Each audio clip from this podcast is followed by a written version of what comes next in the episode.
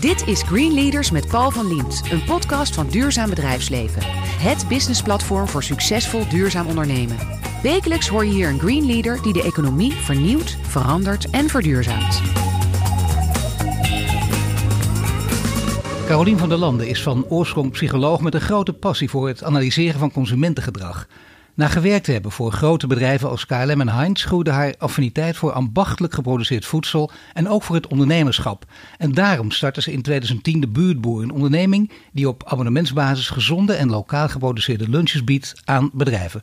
Welkom Carolien. Dank. Ja, dat klinkt geweldig, hè, dit verhaal, als ik het nu vertel. Maar als ik dan een datum noem, namelijk eh, donderdag 12 maart 2020, toen de lockdown werd eh, aangekondigd, toen nog de intelligente lockdown genoemd, de eerste. Ja, het was voor jou een, eh, een slecht bericht. En niet voor iedereen, maar voor jou extra. Waarom? Ja, nee, inderdaad uh, grappig dat je die datum ook noemt. Want dat is inderdaad wel echt de datum die, die bij ons echt nogal uh, erin gegrift staat. Um, dat was de dag dat, dat Rutte eigenlijk de persconferentie had. Dus dat voor heel veel mensen echt duidelijk werd dat, dat we in een hele heftige situatie zaten. Maar dat bij ons wel echt op dat moment meteen de hele omzet wegviel. En ik denk dat heel veel sectoren dat later pas zijn gaan merken. Uh, maar dat bij ons echt van de een op de andere dag letterlijk alle klanten hebben opgezegd. Gepauzeerd. Maar wel nou ja, tot, tot nu toe nog steeds echt heel, heel weinig omzet daarmee hebben. Dat is een keiharde lockdown, mag je inderdaad zeggen. Maar dan is het belangrijk, hè? er zijn veel mensen die weten wat het is. Ik merk het ook om me heen, de buurtboer. Oh ja, natuurlijk. En anderen moet je toch even uitleggen. Dat is logisch. Hè? Goed als jij even vertelt wat precies de buurtboer inhoudt. Ja, nou wat we eigenlijk doen met de buurtboer is het leveren van producten voor de lunch aan bedrijven. Die het eigenlijk uh, daarvoor deden met uh, de supermarktbestellingen. dus bedrijven die ook geen kantine hebben. En onze producten zijn allemaal lokaal en ambachtelijk. dus echt goede producten om een lekkere lunch mee te maken. Um, we hebben daarvoor een systeem die dat dus op zo'n manier samenstelt dat we eigenlijk beter kunnen inschatten wat onze klanten voor de lunch nodig hebben dan zij zelf. En op die manier leveren nou, dus voor corona ongeveer 30.000 lunches per week aan de bedrijven in de Randstad. En dat was ook groeiende, dat aantal lunches. Want het klinkt als een heel groot, hoog aantal uh, waar, je, waar je heel mooi bedrijf op uh, kan baseren. Ook. Maar was het ook groeiend of niet? Ja, nee, dat, uh, nou, we zijn nu inderdaad in 2010 waren we gestart. Dus we zijn nu dik tien jaar verder. En dat groeide nog steeds. Dus inderdaad, een week voor de lockdown hadden we nou, ook toen de, de, de hoogste week ooit. Dus het was gewoon elke week nam, het, nam dat toe. Um, nee, dus op zich is het wel uh, wat dat betreft nog steeds een hele fijne markt om in te zitten. Want steeds meer behoefte ook bij bedrijven om gewoon daar uh, goed mee bezig te zijn. Nou ja, het paste sowieso helemaal in de tijd. Maar nu nog steeds zou je zeggen. Behalve dan uh, ja, die verdomde lockdown en dat vervelende virus. En ook uh, inderdaad thuiswerken. Daar kunnen we het later ook nog eens uitgebreid over hebben. Want dan moet je echt vooruit gaan kijken. Maar wat gebeurde er meteen? Wat voor maatregelen heb je kunnen nemen toen je wist dat je van de een op de andere dag al je business kwijtraakte? Uh, ja, het is op zich uh, toevallig dat ik vorige week hier nog met een andere ondernemer over. Dat wat ik vooral heel heftig aan vond, was dat bij ons, omdat het zo snel ging, dat we eigenlijk zelf het wiel soort van moesten uitvinden. Dus voordat überhaupt de overheid kwam met maatregelen om, uh, om ondernemers te helpen, waren wij al een stap verder. Dus wij hebben bijvoorbeeld werktijdverkorting aangevraagd. Dat was eigenlijk een, een, stap die je voor de NOW moest zetten als je dus zag dat je je, je personeel niet meer kon inzetten. Maar dat betekent ook dat er dus heel, en heel veel snelheid nodig was, maar ook heel veel uh, nou, nog onbegrip bij bijvoorbeeld onze, onze werknemers. Het ging zo snel. En dat was eigenlijk daardoor ook wel heel, uh, heel heftig. En we, we, hadden gewoon letterlijk dat we overnight, we hadden dan een beslissing genomen en dan werd er die avond werd er dan weer een nieuwe maatregel afgekondigd, waardoor onze, onze beslissing eigenlijk weer moesten worden teruggedraaid. En jij weet dan als leidinggevende, dat is heel lastig ook, want je hebt opeens met heel veel mensen te maken. De verantwoordelijkheid die nog zwaarder op je schouders drukt. Maar om hoeveel mensen gaat het dan? Uh, nou, dus voor corona waren we met 40 collega's. En wat bijvoorbeeld ook heel impactvol was, dat we dus meteen allemaal thuis gingen werken. Nou, het is gewoon, qua communicatie is dat, is dat beroerd. Ja. Het is wel vervelend om te communiceren als je het hebt over een huddle of over een meeting die je moet hebben over planning of systemen. Maar als je het moet gaan hebben over uh, ja, gewoon iemands, uh, iemands baan en de, de zekerheid daarvan, dan wil je gewoon iemand in de ogen kunnen kijken en ook kunnen waarnemen van wat doet het bij die persoon. En dat ging nu allemaal in Zoom-calls, waarbij we ook nog eens de, de start problemen ja. hadden van dat mensen te laat inloggen of bereik slecht was. Allemaal van die beginners-issues die je hebt met thuiswerken en uh, virtual uh, ja.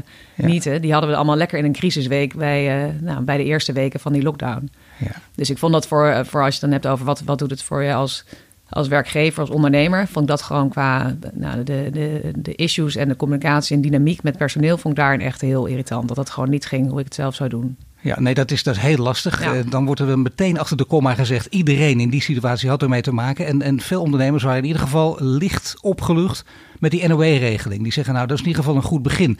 Is dat ook goed of niet? Of is dat veel te positief uh, naar buiten gecommuniceerd?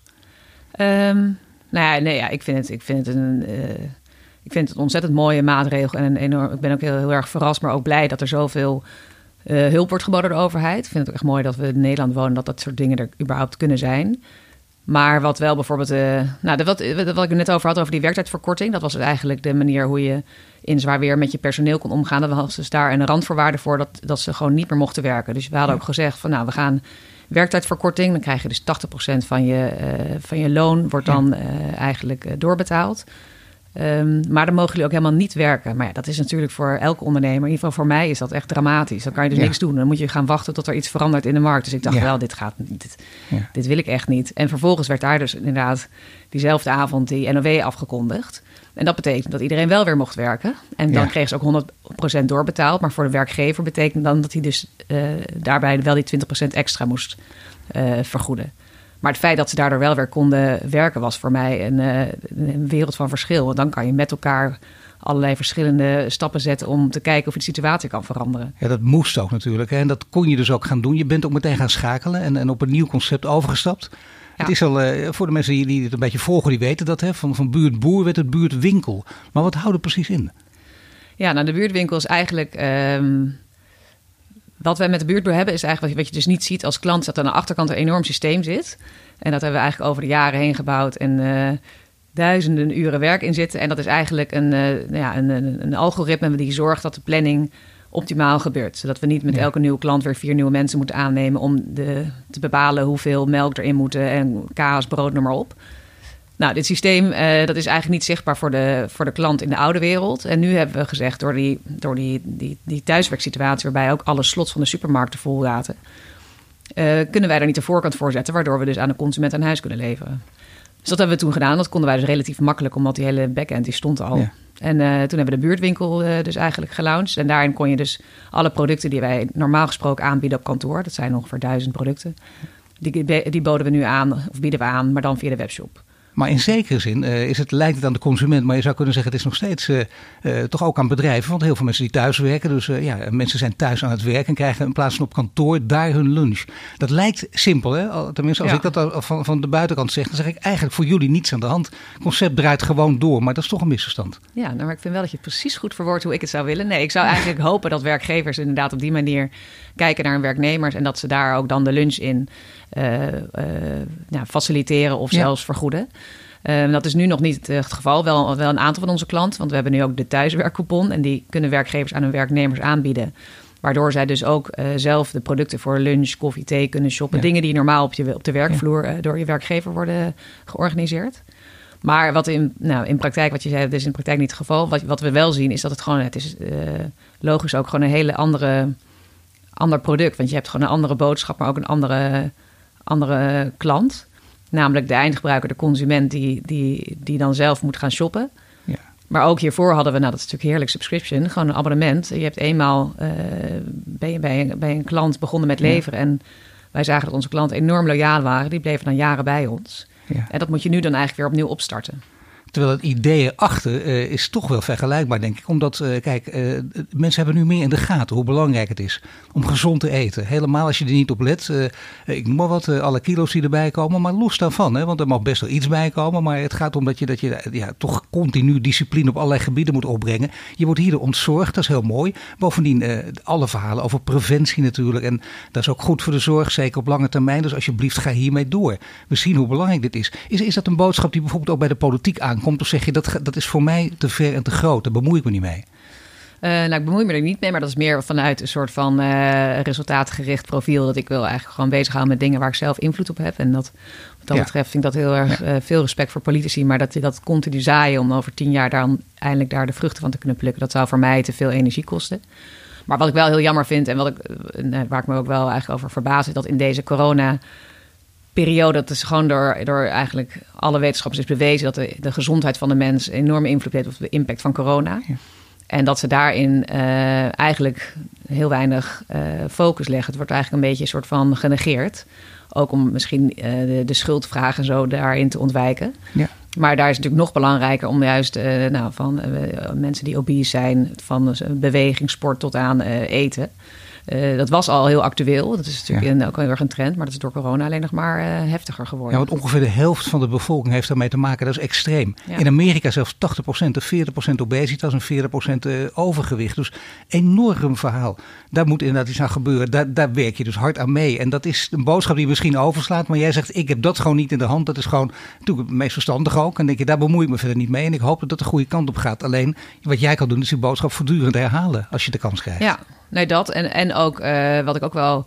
We vinden ook het begrip gezond. Vinden we ook daarin. Uh, uh, gezond eten ook lastig. Want je kan ook voor wat wij met onze producten leveren. Er zijn ook mensen die bijvoorbeeld uh, tien boterhammen eten en die met pindakaasbesmering, noem maar wat. Dan ben je nog steeds ongezond bezig. Ja. Dus je ziet wel heel erg een trend in dat bijvoorbeeld nu. we zijn ooit begonnen echt met nou, een soort van traditionele producten voor de boterhamlunch. En dat is nu in de afgelopen tien jaar helemaal ja, eigenlijk ontwikkeld naar heel erg een salade aspect. Dus eigenlijk worden bijna alle klanten nemen ook salades naast de boterhammen uh, optie. Dus dat is wel, dat, daar zie je echt wel een trend.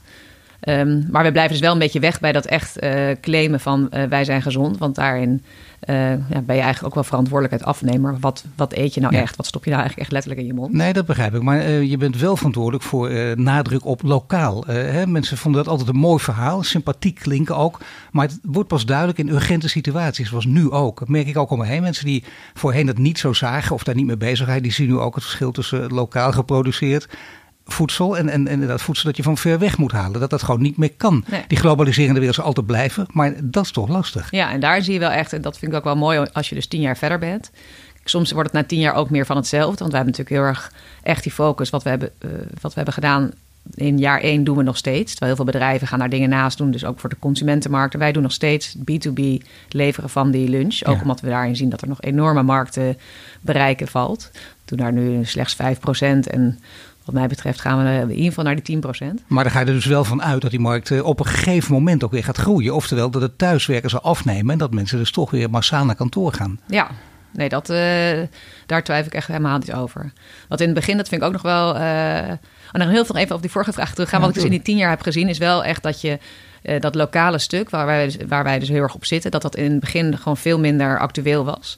Maar dat dat, en nou ja, wat, je, wat steeds meer in de media wordt getoond, het hele duurzaamheidsstuk, maar ook door andere bedrijven als een, bijvoorbeeld een markt of een stag, nou, allemaal foodbedrijven die daar ook de focus op leggen. Ja.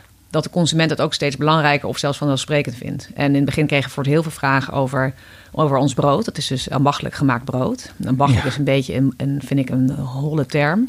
Maar als je het vergelijkt met fabrie fabrieksbrood, wat gewoon een week goed blijft, dan kan je gewoon nog steeds helemaal. Als je bij Albert Heijn vind ik het ook elke keer zo interessant. Als je dan een boterham pakt uit je brood van een week geleden, is het nog steeds helemaal kakelvers. Denk je, maar het is natuurlijk allemaal één nummers. En een brood van onze bakkers is dus helaas maar twee dagen echt vers. Ja. Er zit gewoon geen rommel in. Kun je ernaar roosteren? Dan kun je ernaar roosteren. Maar in het begin kregen ze ook elke keer dat klanten belden... een soort van geïrriteerd. Hoe kan het nou? Het is nu al niet meer goed. En dat je dus het moest uitleggen. Ja, dat komt omdat het echt ambachtelijk brood is zonder E-nummers. Ja. En dat zie je wel dat dat dus heel erg is afgenomen, die verbazing. Dus dit zijn wel van die ontwikkelingen dat je ziet dat dat gewoon klanten dat ook, dat de mensen, de consument gewoon weet dat ambachtelijk en lokaal dus beter is dan het hele fabrieksmatig. Ja, en daar dus ook aan gewend raken. En dat betekent niet, want het is wel interessant dat je dit zegt. Mensen kunnen zeggen, ja, die, die verwachten toch die aanpassing, want ze vergelijken dat met uh, de grote supermarkten. En die vinden dat toch gemakkelijk. Daar gaat het altijd over. Hè? Het gemak is dan uh, altijd in, in het voordeel. Het lijkt ook verser en beter. Maar dat begint dus nu eh, op grotere schaal, denk jij, door te dringen. Ja. En daar kun je dus ook uh, zakelijk uh, profijt van hebben, ja. of niet? Ja, nee, en ook omdat het ook vaak een combinatie heeft met prijsperceptie. Ja. Tien jaar geleden was dus, was dus de Albert Heijn werd gewoon meer gezien als ook gewoon een A-merk. En dat is nu ondertussen gewoon wel echt een andere, ja, een andere kant op gegaan. En qua prijs, dus in het begin kregen we ook veel vaker te horen van... nou, als je hetzelfde bent als de supermarkt, dan willen we wel overstappen. Nou, dat waren we niet. En daarvan nee. zien we nu ook dat, dat gewoon mensen daar veel meer eh, bereid zijn... om daar ook meer voor te betalen. Dus daarin zie je ook echt een verschil.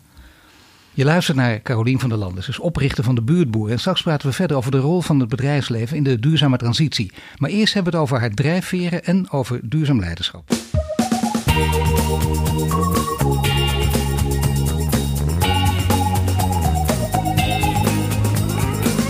Bij mij in de studio staat Carolien van der Landen. Net spraken we over de buurtboer en de roerige afgelopen maanden. Nu praten we verder over haar persoonlijke drijfveren. Want uh, ja, je hebt bij KLM gewerkt, bij Heinz. Uh, betekent dat dat je, dat je echt uh, ook, laten we zeggen, in de wieg was gelegd bijna? Vanwege je achtergrond of gezinsleven om, om het bedrijfsleven in te gaan? Nee, eigenlijk niet. Nee. nee mijn vader die, was arts en mijn, mijn, moeder die was eigenlijk degene die thuis alles draaien hield.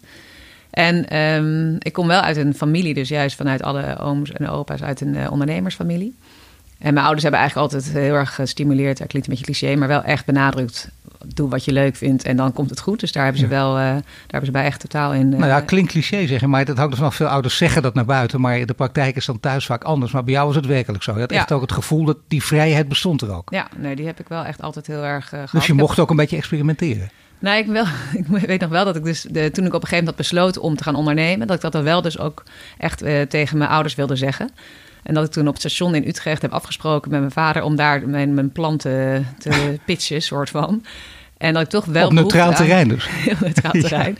Ik weet ja, volgens mij was het gewoon dat we allebei te druk waren om dan. Uh, ze wonen vrij ver weg, om dan elkaar daar uh, te treffen.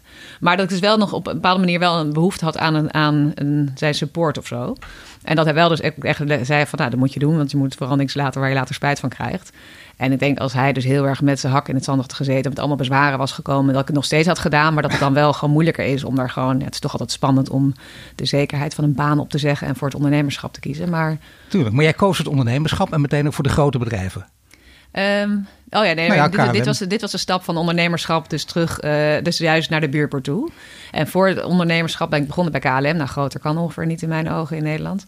En, uh, en daar heb ik twee jaar zo'n management Maar even, dat mocht ook. Ik bedoel, dat, dat je ouders hadden later met die overstap geen moeite. Maar hier ook ge geen moeite mee. Die zeiden ook meteen, als jij ondernemer wil worden, fantastisch. Want je kiest dan toch eigenlijk wat je, ja, wat je andere familieleden doen en niet wat je ouders doen. Ja, maar bij KLM was het juist uh, echt een, een uh, als werknemer een radertje in het grote geheel. En juist heel veel zekerheid. Gewoon een baan. Dus dat vonden zij, wat dat ja. betreft, is het een hele veilige keuze geweest. Um, en dat vond, eh, nee, zij, dat bleef helemaal vrij in, in welke keuze ik ook maakte. Uh, alleen was het voor mij niet uh, de juiste keuze. het was Waarom niet? Nou, het was, de, ik vond sowieso die twee jaar was, was heel leerzaam. Ik denk dat elke eerste baan heel leerzaam is. Maar het was voor mij veel te groot en veel te bureaucratisch om daar goed tot mijn recht te komen. Ja, zonder dat je nog echt het ondernemersbloed voelde, ging, ging, ging vloeien bij je. Dat moet, op een gegeven moment moet het kwartje ook vallen, wanneer dat kan. Want ja. je ging daarna dus naar Heinz. En dat is natuurlijk weer ook, ja, ook denk ik, in loondienst. Ook kiezen ja. voor zekerheid. Ja. Nee, toen ben ik naar Heinz gegaan en naar wel om op het stuk marketing echt goed te leren. Er zat ook een heel mooi team waar ik heel veel uh, op dit vlak geleerd heb. En wat ze bij Heinz heel erg deden, was uh, gewoon heel veel onderzoek en uh, heel veel kijken wat consumenten gewoon echt in gesprek gaan met de consument. En ik zat er op het merk Honig. Nou, een merk wat niet verder weg kan staan van de buurtboer is Honig. Want dat zijn dus de droge producten die dus minstens een jaar ja. goed blijven ja. in de huishoudkastjes. Maar wel wat uh, merk is wat wij, nou, ik denk dat ze hebben een penetratie van 85%. Dus eigenlijk vrijwel elke Nederlander heeft honig in zijn keukenkastje staan. En daar, um, nou, daar heb ik dus heel veel geleerd over hoe pak je nou echt dat, dat brandingstuk op. En zorg je dat je met de juiste uh, proposities zeg maar, in de markt. Maar toch hield je daar ook mee op. Toch wilde je dus die andere kant op. Ja, nee, dus, ja en ik zat er dus eindelijk vijf jaar. Nou, ik vond ook dit product, wat ik net een beetje een soort van. Uh, uh, lachend zeg, het is natuurlijk niet. Ik heb, ik had, in die vijf jaar dat ik er heb gezeten, heb ik gewoon nooit honig zelf in huis gehaald. Dat is natuurlijk heel raar. Ja, dan werk je zelf. Uh... Dat was geen verplichting bijvoorbeeld op het bedrijf. Ook er werd er geen grap over gemaakt. Nee, nee, je moest natuurlijk wel met al je productontwikkeling honig proeven. maar ik, ik kocht het gewoon uh, niet vanuit dat ik het. Het kwam gewoon niet in me op om het te kopen, omdat het gewoon zo'n, ja, wat dat betreft, niet ambachtelijk product was. Nee. En wat nou ja, nee, maar dat, dat speelde dus wel voor je. Dat, dat was ja. niet alleen ik wil ondernemen. Dat gesprek met je vader ging over ondernemen, maar ook over uh, iets anders. Iets niet zomaar ondernemen. Nee, ik, het ontwikkelde zich steeds. Nou, ik moet wel zeggen, als ik heel eerlijk ben, ik zat ook toevallig. Uh, ik laatst met een, uh, een, vriendin die een stuk jonger is over hoe, hoe de uh, carrière wensen van mensen eruit zagen die afgestudeerd waren toen er tijd en nu. En toen was ook wel gewoon die gaan werken bij die, bij die, bij die grote corporates, dus een KLM of een ja, Heinz en Unilever. Het was toen eigenlijk ja. juist een soort van heel mooi iets. En heel ja. erg, uh, ik was ook heel trots dat ik daar mocht beginnen bij dat traineeship van KLM bijvoorbeeld. Terwijl nu kan ik daar inderdaad eigenlijk niks meer bij voorstellen. En dat is ook echt wel een ontwikkeling, dat mensen gewoon nu veel eerder ook gaan ondernemen dan, dan echt als, als eerste job. En dat ze niet eerst uh, jarenlang bij een corporate gaan zitten. Nee, dat scheelt. Dat zie je inderdaad ook in top 5 vijf lijstjes waar mensen uiteindelijk voor kiezen. Dat is, dat is totaal veranderd. Ja, maar, je ziet, maar je ziet het ook, eh, dus je kunt gaan ondernemen en dat kan op verschillende manieren. Maar bij jou zat er ook al een, eh, althans een, eh, iets van duurzaamheid in het hoofd. Ja, nou, ik had wel op een gegeven moment door dat, of door, dat, dat ontwikkelt zich denk ik ook, maar dat ik, ik, als je dan toch bijna, weet ik voor 50 uur aan het werk bent door de week en dan met een product waar ik zelf gewoon totaal niet blij van werd, dan is dus uiteindelijk de purpose ook niet heel erg waar, waar ik achter sta. Ehm, dus dat is wel iets wat ik op een gegeven moment dacht, nee, dit is gewoon niet waar, waar mijn... eh, waar mijn hart ligt. Dus ik wil gewoon uiteindelijk vind het heel fijn om hard te werken, maar dan wel voor iets waar ik ook gewoon iets bijdraag aan, aan something better. En dat zat dus heel erg in, eh, nou, in, in wat de buurtboer doet. Maar dat kwam ook omdat ik zelf en eh, heel erg in die doelgroep zat. Dus ik ging, ik ging zelf juist in de weekenden echt op zoek naar allemaal goede producten. Ook echt bij lokale partijen. En door de week was ik eigenlijk laat thuis en was de Albert Heijn toen nog om acht uur dicht. Dat kan je je voorstellen. Ja. Maar dan ging ik ook altijd voor het afhalen. Of had ik dus toch eigenlijk ongezond. Wat dus een heel, veel te groot contrast was. En nou, ja, je zag toen in het buitenland en ook eens in die onderzoeken die je bij Heinz eh, daar veel werden gedaan, dat heel erg dat, dat vers eh, aan huis leveren, dat dat dus heel erg in op, opkomst was. En daarvan zag ik dat er in Nederland echt toch eigenlijk vrijwel niks werd gedaan. Er was ook nog geen HelloFresh en andere soortgelijke deliveries. Dus toen heb ik bedacht, oké, wat, wat ik ga doen weet ik nog niet, maar daar gaat sowieso genoeg potentie zitten om gewoon een mooie ondernemersdroom. droom Maar het is ook echt, daar heb je het op gebaseerd en op dit idee. Zo gaat het ook vaak met ondernemersideeën. Maar het is ook echt jouw idee. Of heb je dat uiteindelijk, is er naar, naar een brainstorm naar buiten of naar, naar boven gekomen? Nee, het is wel, was wel echt een mijn idee. Wel, ik ben uiteindelijk tijdens eh, eh, mijn laatste jaar bij Heinz... ben ik een dag minder gaan werken om dus echt dit uit te gaan zoeken. En toen ben ik met heel veel ondernemers gaan praten die in de food eh, werkten... maar ook gewoon letterlijk naar de Beemster. Ben ik gewoon bij, bij, eh, bij boeren langs gegaan en met hun gaan kijken van... joh, wat zouden jullie denken dat wel zou werken... en waar, wat, wat vul je dan aan als ondernemer, wat zij niet kunnen doen... En toen is eigenlijk dat, dat idee eh, ontstaan. Ehm, en ik wilde het per se met iemand doen. En daar, daar ben ik toen ook echt op zoek gegaan. Dus echt met allemaal mensen gaan praten om te kijken... kan ik hier een compagnon in vinden? Omdat ik gewoon heel erg geloofde in die kracht van, Ja. van dit met een, met een medefounder doen. En toen ben ik mijn compagnon dus tegengekomen... toen eh, nou, eigenlijk in het begin van dit traject. En dit hebben we het samen gewoon echt verder uitgekristalliseerd. Dus, eh, Op, op basis waarvan heb je dan een compagnon uitgezocht? Dat het vriendschappelijk goed moet gaan? Of eh, juist iemand die complementair is zakelijk? Nee, echt dat complementaire stuk. En dat ik wel ook echt wilde, ja, dat ik, achteraf denk ik wel eens dat, dat, dat, dat dit wel echt iets waar ik, waar ik echt heel veel mazzel mee heb gehad. Want nou, wat ze ook vaak zeggen, het is een soort van tweede huwelijk. Nou, dat Ja. is echt volledig zo. Dus je kan daar ook niet zomaar uitstappen. Maar je, ja, je gaat in die fase, je ontwikkelt je natuurlijk ook nog eh, in tien jaar tijd. Dus we Ja. hadden voor allebei geen kinderen. Eh, we wonen allebei nog in Amsterdam. Nou ja, Ja. tien jaar verder zitten we, zitten we in een hele andere fase. En het kan zijn dat iemand gewoon zich anders ontwikkelt dan jij, zeg maar. En dat je dan toch aan elkaar vastzit. Dus dat eh, kan heel eh, negatief zijn. heb ik van bij veel ondernemers meegemaakt. Maar bij ons is het gelukkig heel erg goed, eh, heeft het heel goed Nou uitgepakt. ja, en, het, eh, en, en wat nog speelt, het bedrijf groeit ook, hè, los van je persoonlijke leven, en wordt groter. Je, je gaat dus eerst kun je nog heel vriendschappelijk en makkelijk en, en één op één met, met, je, met je mensen praten. Daarna wordt je bedrijf groter. Uiteindelijk zijn je 40 mensen aan de top toen jullie zo groot mogelijk waren. Maar dat betekent wel dat je dus ook over leidinggeven anders moet gaan nadenken. Hoe heeft die, zich dat bij jou ontwikkeld? Ehm, ja, ik denk dat we daar dus ook wel wat dat betreft elkaar goed in aanvullen. Ja, ik vond dat eerste stuk dus echt een bedrijf neerzetten met een klein team. Dat vind ik wel het mooiste onderdeel van het ondernemen. En dan eh, eigenlijk dus niet het eerste jaar. Dat je echt letterlijk met je poot in de modder staat en zelf aan het inpakken bent om zes uur ochtends. Zeg maar, dat, dat deel mag van mij overgeslagen worden. Maar wel dat je met een team van nou, tot tien man, zeg maar, gewoon echt heel erg met elkaar die enorme begeistering voelt. En een fase verder, dus eigenlijk een beetje die, die 20 tot 50 eh, werknemers. Dat vind ik. ehm, ja, ik, wij, wij hebben wel echt gewoon gezien dat, daar dan, dat wij een beetje de, de eh, beperkende factor werden. Dat wij gewoon niet de goede managers waren en dat wij daarin een stap terug moesten doen. Maar waar merk je dat aan? Ehm, nou, ja, laat ik dan voor mezelf spreken. Ik ben gewoon daarin eh, te ongeduldig. Dus eh, gewoon echt het mensen inspireren en meenemen. En dus ook heel veel met, in, in bi-weeklies hebben en wandelingen en noem maar op. Om dus ook heel erg bezig te houden met de werknemer. Dat kostte mij gewoon te veel energie. Dat ik dacht, nou oké, eh, ik wil wat dat betreft dat ze aan één woord genoeg hebben. En dat is natuurlijk niet zo. dus ehm, ja, nee, ik, ik merkte wel dat dat gewoon... eh, nou, dat, dat het gewoon niet genoeg was voor wat zij eigenlijk nodig hadden.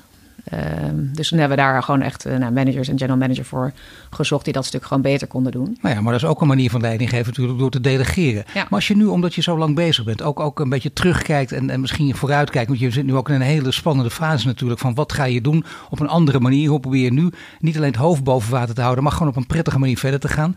Dan moet je dus ook uh, kunnen improviseren. Dan moet je ook andere talenten bij jezelf kunnen aanboren. Uh, is dit een fase, dit is ook een fase waarin sommige mensen beter floreren dan anderen. Past dit bij jou, deze fase, waar je echt totaal nieuwe kanten op moet, waar je veel moet improviseren? Ja, dat improviseren, dat vind ik eigenlijk juist heel leuk. Ik denk dat daar ook wel, ja, dat daar juist mijn kracht zit. Uh, en ook wel het creëren, dat, dat vind ik ook gewoon heel, uh, heel lekker om te doen. En wat wel wij, voor mij eigenlijk altijd een beetje de, de, het dilemma is van... oké, is het nu, heeft het ook genoeg uh, potentie voor de long term? Of gaan we nu heel snel en heel hard met z'n allen op weer een nieuw product? Dus bijvoorbeeld op die buurtwinkel, dat we wel echt heel veel discussie hebben gehad van oké, is dit ook genoeg? Uh, ja, bodem is zo'n andere markt, echt die consumentenbusiness. Daar, daar nou, de, de Crisp en uh, de online supermarkt van deze wereld, die hebben daar miljoenen investeerders achter zitten. En wij, onze zakken zijn nu iets leger in deze coronatijd. Gaan we dan deze markt bestormen? Heeft nou, wacht even. Is er in de tussentijd niet iemand langsgekomen? Of uh, een, iemand die dacht, we willen een overname plegen? En waar je nu op terug kan vallen? Uh, nou, nee, niet. Ze staan niet aan de deur uh, te rammen. Maar we hebben natuurlijk wel eens met partijen gesproken. Zeker ook met, uh, met cateraar, zeg maar, wat eigenlijk meer onze sector is. En welke partijen? Ja, allerlei uiteenlopende. Nee, maar wel, ziet in het cateringlandschap zie je wel echt dat het gewoon een vrij traditionele markt is. En waar eigenlijk de afgelopen vijf jaar gewoon best wel veel aan het veranderen is. Maar dan uh, ja, eigenlijk gewoon wel echt heel vrij langzaam in baby steps. Maar in welke zin dan? Dat ze te weinig van, want je zegt we maken gebruik van algoritmes, je zet moderne technologie in. Gebeurt dat te weinig of ligt het ergens anders in? Ja, dat. Maar dat is wel denk ik nog misschien een middel. Maar eigenlijk is, het, is de verandering van het ja, hele uh, traditionele assortiment wat in een kantine wordt ge geleverd. Dus gewoon echt witte boterhammen, kaas, kroketten onder zo'n warmhoudplaatje. Nou, gewoon iedereen ja. heeft wel eens een keer zo'n kantine meegekregen. Dat ja. je echt denkt, hoezo bestaat het nog? Ja. Maar dat bestaat gewoon nog bij 80% van de kantines. Dus in dat opzicht gaat dat gewoon super langzaam. Dat is wel een wereld te winnen. Dat is wel prettig dan ook eigenlijk. Een wereld te winnen, ja. Enorm veel derving ook. Wordt echt per jaar 50 miljoen eten weggegooid. Omdat het ook allemaal daarin van de enorme pannen staat te, te wachten tot iemand wel of niet dat opschept. Maar dat is al een verhaal. Zo'n enorm bedrag. Dat is onderzocht. Het gaat ja. om zo'n groot bedrag. Ja. Nou ja, goed. Dat is natuurlijk echt een, letterlijk een wereld te winnen. Ja, ja. nee, dus op, op, op derving, dus op duurzaam stuk. Maar ook uh, gewoon echt in de kwaliteitsbeleving. Nee, dus in de, volgens mij heeft het ook te maken met dat vooral vroeger die uh, cateraars gewoon soms zelfs 20 jaar contract afsloten. Die zeiden dan, oké, we gaan oh, hier de hele de hele verdieping verbouwen naar een kantine. Maar dan willen we wel dat er echt een lang contract wordt getekend, maar echt belachelijk lange contracten.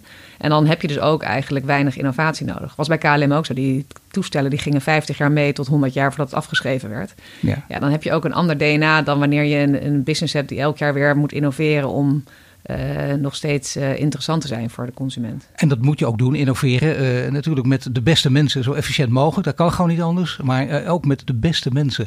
Hoe doe je dat? Is dat iets wat je afschuift aan anderen of delegeert bedoel ik aan anderen, beter mm -hmm. gezegd? Of kun je dat zelf en bemoei jezelf daar ook mee? Met de goede mensen nu uit de markt halen?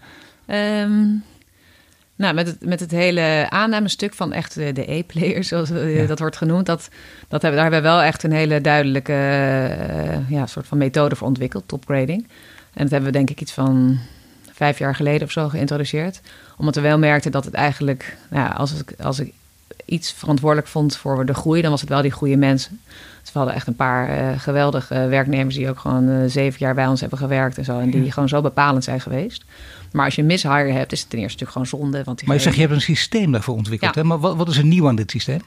Nou, het systeem is eigenlijk dat je, de, het is een Amerikaans systeem, maar dat je uh, veel duidelijker in het aannametraject echt uh, uh, een bepaalde vraagtechniek hanteert. En daarvoor deden we heel vaak, heb je gewoon een, ja, een dialoog en dan ga je ook een beetje jezelf verkopen. Dus je bent een beetje een soort van aan het babbelen met elkaar en probeer je een beetje beeld te krijgen van de kandidaat.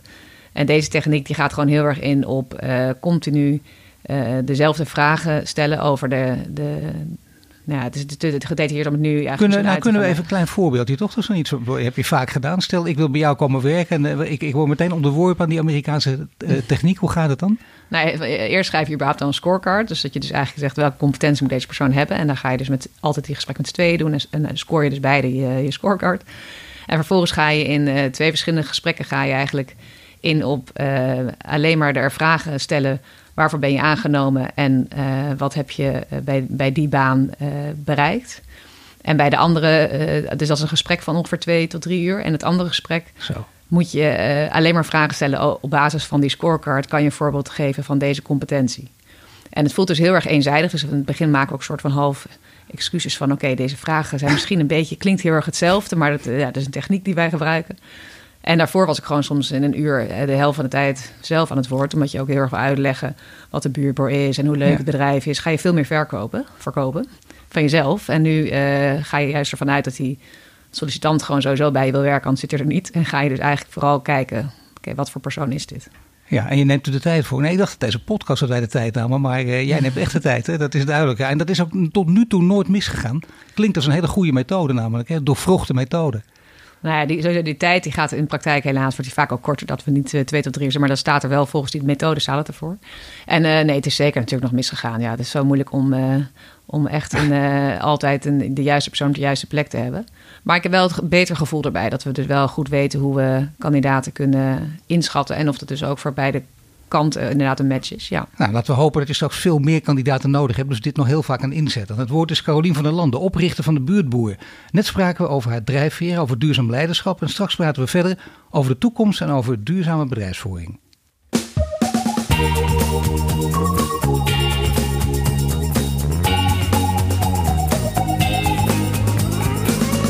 In de studio staat Carolien van der Landen. Net spraken we over duurzaam leiderschap en nu praten we verder over de rol van het bedrijfsleven in de duurzame transitie. Ja, Carolien, je had het ook over, steeds over de buurtwinkel. Dat is nu een, een belangrijke variant die jullie uh, hebben, aangeboord. En dat is een, andere manier van werken ook, past ook meer in deze tijd. Je kunt goed improviseren. Maar wat bespreek je met je team? Dat jullie op die voet ook verder gaan? Dat je soort, zoals dan uh, uh, nu altijd een beetje modieus het hybride systeem blijft voeren? Buurt, boer en buurtwinkel. Misschien zelfs een naamwijziging overdenkt? Of overweegt? Um, nee, ja, wij, nee we, we, denken nog steeds, want heel kort hier even uh, al over, dat wij dat na corona dat uh, iedereen wel weer naar kantoor gaat. Ik denk dat in het begin werd heel erg bejubeld van de thuiswerkers nieuw normaal en het is zo heerlijk. En juist die combinatie van niet hoeven reizen en gewoon ook privé werken, een beetje hybride. En daar, uh, nou, het blijkt nu uit onderzoek dat het daar iedereen wel van terugkomt. Dat het gewoon die verbinding... Ja, weet je het, ik weet niet vervel, maar je ziet juist grote bedrijven. Microsoft was ook de eerste die zegt van nou, dit wat er ook gebeurt, dit blijven wij doen. Heel veel bedrijven zien ook natuurlijk dat het kan. Technologie neemt toe. Er werd er lang over gesproken. En dan kun je dat, dan blijf je naar kantoor gaan, maar toch wel minder. Ja, nee, ik denk wel minder. Maar bijvoorbeeld Microsoft was ook de eerste die met die flexplekken en die ook daar heel erg in geloofde.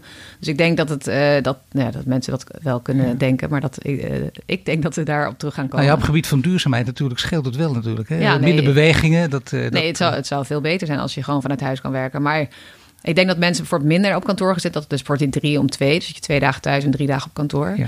En dat, uh, dat werknemers gewoon heel goed zijn om vanuit huis juist alles uh, uit te voeren wat ze, wat ze in gedachten hadden. Heb je veel meer grip, je hebt minder ruis op je dag. Ja. Maar het creëren, dus echt vanuit verbinding met elkaar en met, bij elkaar zitten en vanuit daar ideeën ontwikkelen. Dat, dat, ja, dat kan via een Zoom-call. Naar mijn idee kan dat gewoon niet goed genoeg opgepakt worden. En dan heb je nog het stukje gewoon ja, uh, het sociale aspect. Het vereenzamen wat nu erg bij thuiswerkers gebeurt. Ja. Dus daar is ook gewoon ook een intrinsieke behoefte om gewoon weer mensen om je heen te hebben. Dus. En, en, dan heb je, als het goed is, ook een aantal scenario's liggen. Want je zegt als dit voorbij is, maar we weten nooit wanneer het voorbij Nee. is. Dat, dat heeft heel veel redenen. Ja. Het kan ook elke keer weer terugkomen. Uh, griepgolven die heel stevig aankomen, nou die zetten ook al druk op ziekenhuizen. Weten we nu ook beter Mhm. dan in het verleden. En dus ook al komt er geen, geen COVID eh, 20 of 21, dan nog heb je de kans, of volgend jaar dan 21, dan heb je nog kans dat er een hele zware griepgolf komt. Dus ga er maar vanuit dat er altijd wel periodes zijn. Ja. Hoe, hoe, hoe zitten jullie ehm, scenario's in om dit te voorkomen? Althans voor je eigen bedrijf, dat je weer moet, eh, moet, om, om onder, eh, ten onder kan gaan. Nou, wij waren heel goed in voorkasten. Dus dat was echt waar we ook elke keer gewoon dachten... dit hadden we gewoon ongeveer als we bij de notaris moeten neerleggen... qua voorkast zitten we er zo stipt op de voorkast eh, elk jaar. En eh, nu hebben we juist gezegd van nou eigenlijk weten we vooral dat we gewoon echt niks kunnen zeggen over de voorkast. Dat het gewoon zo dat we eigenlijk alleen maar Ja. weten dat die verandering gewoon daar gaat zijn. En dat we daarin heel flexibel moeten zijn. Dus dat is eigenlijk eh, wat we nu doen. Dus we hebben gewoon meerdere manieren om eh, inkomsten te genereren. Dus vanuit de buurtwinkel, die, die, die werkgever die met die thuiswerkcoupons een werknemer gewoon ja, de lunch aan huis laat bezorgen. Ehm, en we werken ook nog met ehm, Uh, nou, eigenlijk andere business ideeën. Dus we zijn continu aan het kijken wat voor nou ja, Andere business ideeën is wel aardig om even met ons te delen hier. Zijn we ja, benieuwd nee, maar het is nog net, nee, dat is nog net april, dus die hou ik nog heel even Nou, kom op hé. Nee. Eentje. Nee, maar wat we wel ook aan doen zijn is bijvoorbeeld... Uh, want je zei net van, oh, is er dan een, uh, niet een, iemand die op de deur klopt... om dan die consumentenmarkt op te treden met de buurtwinkel. Ja. maar dat we juist eigenlijk zelf heel erg nu de gesprekken gaan met... met ja, concurrentie is een stom woord... maar gewoon de partijen die hetzelfde doen als wij... maar dan juist voor veel meer op kantoor dat warme Lunchstück invullen. Ja. Of juist uh, cateraars. Gewoon ook om, ik geloof ook wel in, je kan in een crisis allemaal lekker in je ivoren toren blijven zitten. Maar juist door die gesprek met elkaar aan te gaan en ook te kijken of we samen dingen kan, uh, kan oppakken. Dus dat zijn we nu ook aan het doen. Dus we hebben juist maar waar we het in het begin van het gesprek over hadden, wat zou kunnen, is natuurlijk ook, ik weet niet hoe, maar je kunt ook afspraken maken met, uh, stel dat thuiswerken in ieder geval toch iets meer indraait, laten we zeggen één dag in de week. Dat, mm dat zou natuurlijk wel kunnen als je naar de onderzoeken kijkt. Uh, dat het inderdaad door het kantoor betaald wordt. En dat het logisch is als een kantoordag ook wordt gezien, omdat je op deze manier ook nou ja, je eigen mensen wil ontzorgen. En dat het gewoon een soort, ja, hoe, je kunt het op, op heel veel manieren gaan typeren, maar het is in ieder geval heel sympathiek voor je werknemers als je dat doet. Nee, en ik weet dat de, de ambtenaren kregen als, eerder, als eerste die, uh, die thuiswerkvergoeding. Toen dacht ik echt, wat een onzin. Ook maar, nog. maar uiteindelijk, dacht, als je dus nu ondertussen een half jaar verder bent... en je bent dus elke dag je eigen lunch en je eigen koffie... en je eigen thee, et cetera, aan het bekostigen... dat, dat it adds on, zeg maar. Uiteindelijk is het ook wel echt een fors bedrag. Dus in dat opzicht denk ik dat een, dat een werkgever daar ook wel meer verantwoordelijkheid in gaat voelen. En ook nou, ook daarin dus ook zijn werknemer tegemoet gaat komen met bijvoorbeeld zo'n uh, van ons. Het gekke is nu, dat zie je in deze tijd van cijfers wel, van mensen die uh, misschien jou er ook al op aanspreken. Dan, dan zie je, stel je werkt in de detailhandel en dan denk je, oh de cijfers gaan uh, dit kwartaal omhoog. Hoe kan dat nou? Dat klopt, hè? want de supermarkten die doen het heel goed. De bouwmarkten doen het heel goed, maar als je in de schoenen en de modebranche werkt, gaat het heel slecht. in jouw geval zie je opeens een bericht in de, in, de, week dat wij praten. HelloFresh, je benoemde het bedrijf net zelf al, bezorgt veel meer boxen. Nou, die hebben dan torenhoge cijfers. Hoe kan dat dan? Ja, nou HelloFresh, eh, dat is uh, volgens mij zo een hele mooie case. Want die hebben gewoon heel lang geïnvesteerd in enorme naamsbekendheid opbouwen. En uh, nou, die Rocket Internet Club daarachter, die heeft gewoon wat dat betreft hele diepe zakken. En die zijn ook heel lang gewoon niet winstgevend geweest. Maar die hebben nu dat punt bereikt dat ze daarin nou, echt enorme penetratie in Nederland hebben. En ik denk ook dat mensen het normaler vinden om met die hele uh, delivery voor maaltijden in contact te zijn. Dat was ervoor een beetje voor de juppen in Amsterdam, maar dat is nu rond, ja, eigenlijk gewoon uh, vrij mainstream geworden. Dus ik denk dat dat er eerder mee te maken heeft dan dat corona bij hun daar van invloed is geweest. Maar dat mainstream wordt is wel belangrijk. Hè? Dat je inderdaad niet alleen maar, laten we zeggen, bij een klein hip clubje in Amsterdam in, in trek bent, maar overal. En hoe zit het bij jullie? Hoe zijn die cijfers landelijk? Ja, nou, ik denk dat wij eh, wel daar ook heel erg in geloven. Dat je dus door. Want we hebben ook al eens natuurlijk discussie gehad van moeten we blijven groeien? Of moet je op een gegeven moment denken van nou, dit is genoeg. En dan hebben we gewoon een mooi bedrijf en uh, het hoeft niet per se groter. Maar nou, het feit dat je dan, wat mij betreft, is dat hele stilstaan ook een stukje uh, terreinverlies. Omdat je dan merkt dat andere grote partijen, cateraars of een Albert Heijn voor dat stuk gaan innemen. Dat die ook op dat innovatie zitten. En dat wij eigenlijk elke keer de eerste en de innovatiefste willen zijn op dat vlak. En daar dus ook in moeten investeren. Dus wat ik net zei over die boter, broodlunch, die, wij zijn dus ook met warme maaltijden. Ja. Dat stuk op gaan pakken, waardoor dus ook weer met, uh, nou, daar moet je ook weer investeren om, om dat hele productiestuk te outsourcen en zo. Dus daarin heb je, ja, heb je eigenlijk ook elke keer door te groeien, moet je ook weer innoveren. En, uh, en wij geloven er heel erg in dat we dus dat groeistuk moeten blijven doen om die innovatie te kunnen. En sowieso uh, hoort dat beide samen te gaan. Maar innoveren natuurlijk bijna altijd. Dat zie je bij alle succesvolle bedrijven. Uh, het punt is alleen wel, je moet daarbij vooruit kunnen kijken. Dat is inherent aan ondernemen. En dat is moeilijk. Dat is heel erg moeilijk. Ook al heb je dan verschillende scenario's. Want ja, dit kan, maar je weet niet wanneer we eruit komen. Je weet niet hoe. En bovendien zijn de zakken zo diep ook dat je kunt innoveren. Dus dat je daar ook eh, geld in kunt stoppen. Kun je investeren zelfs. Nou, afgelopen jaren hebben we dat dus elke keer gewoon zelf gedaan. Dus we zijn ook allebei, uh, mijn compagnon Nicky en ik zijn allebei de enige aandeelhouders. En um, nou ja, op dit moment uh, is, het, is, het, is het innovatiestuk uh, zit vooral in, in die nieuwe producten. Dus inderdaad in de buurtwinkel. En um, geloof ik dat het, uh, dat het na, nou, wij denken zelf dat het vanaf maart eigenlijk weer aan gaat trekken. Dus dat we dan weer gaan zien, ook doordat het uh, nou, die griepconjunctuur uh, aanhoudt, dat mensen dan weer naar kantoor gaan. En we kijken gewoon wat, wat minder ver vooruit. Dus we hebben wel gewoon scenario's, zodat we het financieel zeg maar, ook op kunnen vangen. Maar uh, juist dat flexibele, dat is wel eigenlijk hoe we er nu in zitten. Maar hoe maak je die scenario's? Ik denk dat heel veel mensen die hier naar luisteren en, en ook in deze branche werken, heel veel MKB'ers ook echt zeer geïnteresseerd zijn hoe dat zit. Ja, nou wij maken ze eigenlijk vooral uh, uh, financieel. Dus dat we ook gewoon uh, wij, wij, werken met een soort van externe CFO. En waarbij die een extre extreem complex model heeft gebouwd. Maar waardoor je heel goed kan zien en, nou, wat de impact is als bijvoorbeeld de ene knop de andere kant op gaat. Of als het toch tegenvalt. Dus, en daardoor proberen we gewoon heel erg snel te kunnen schakelen. Als dus een ander scenario zich voordoet dan we eigenlijk hadden gehoopt. Dus ehm, ja, dat hele dat hele numberstuk op orde hebben, zeg maar, dat, daar, dat is voor ons gewoon heel erg belangrijk. Daar geloven wij ook in dat we daardoor uh, voorop kunnen blijven. Belangrijk is ook dat je in je eigen producten gelooft. Nou, uit alles wat jij hier vertelt blijkt dat je in je eigen producten gelooft. Het aardige is natuurlijk wel dat je vertelde net over Heinz waar je werkte.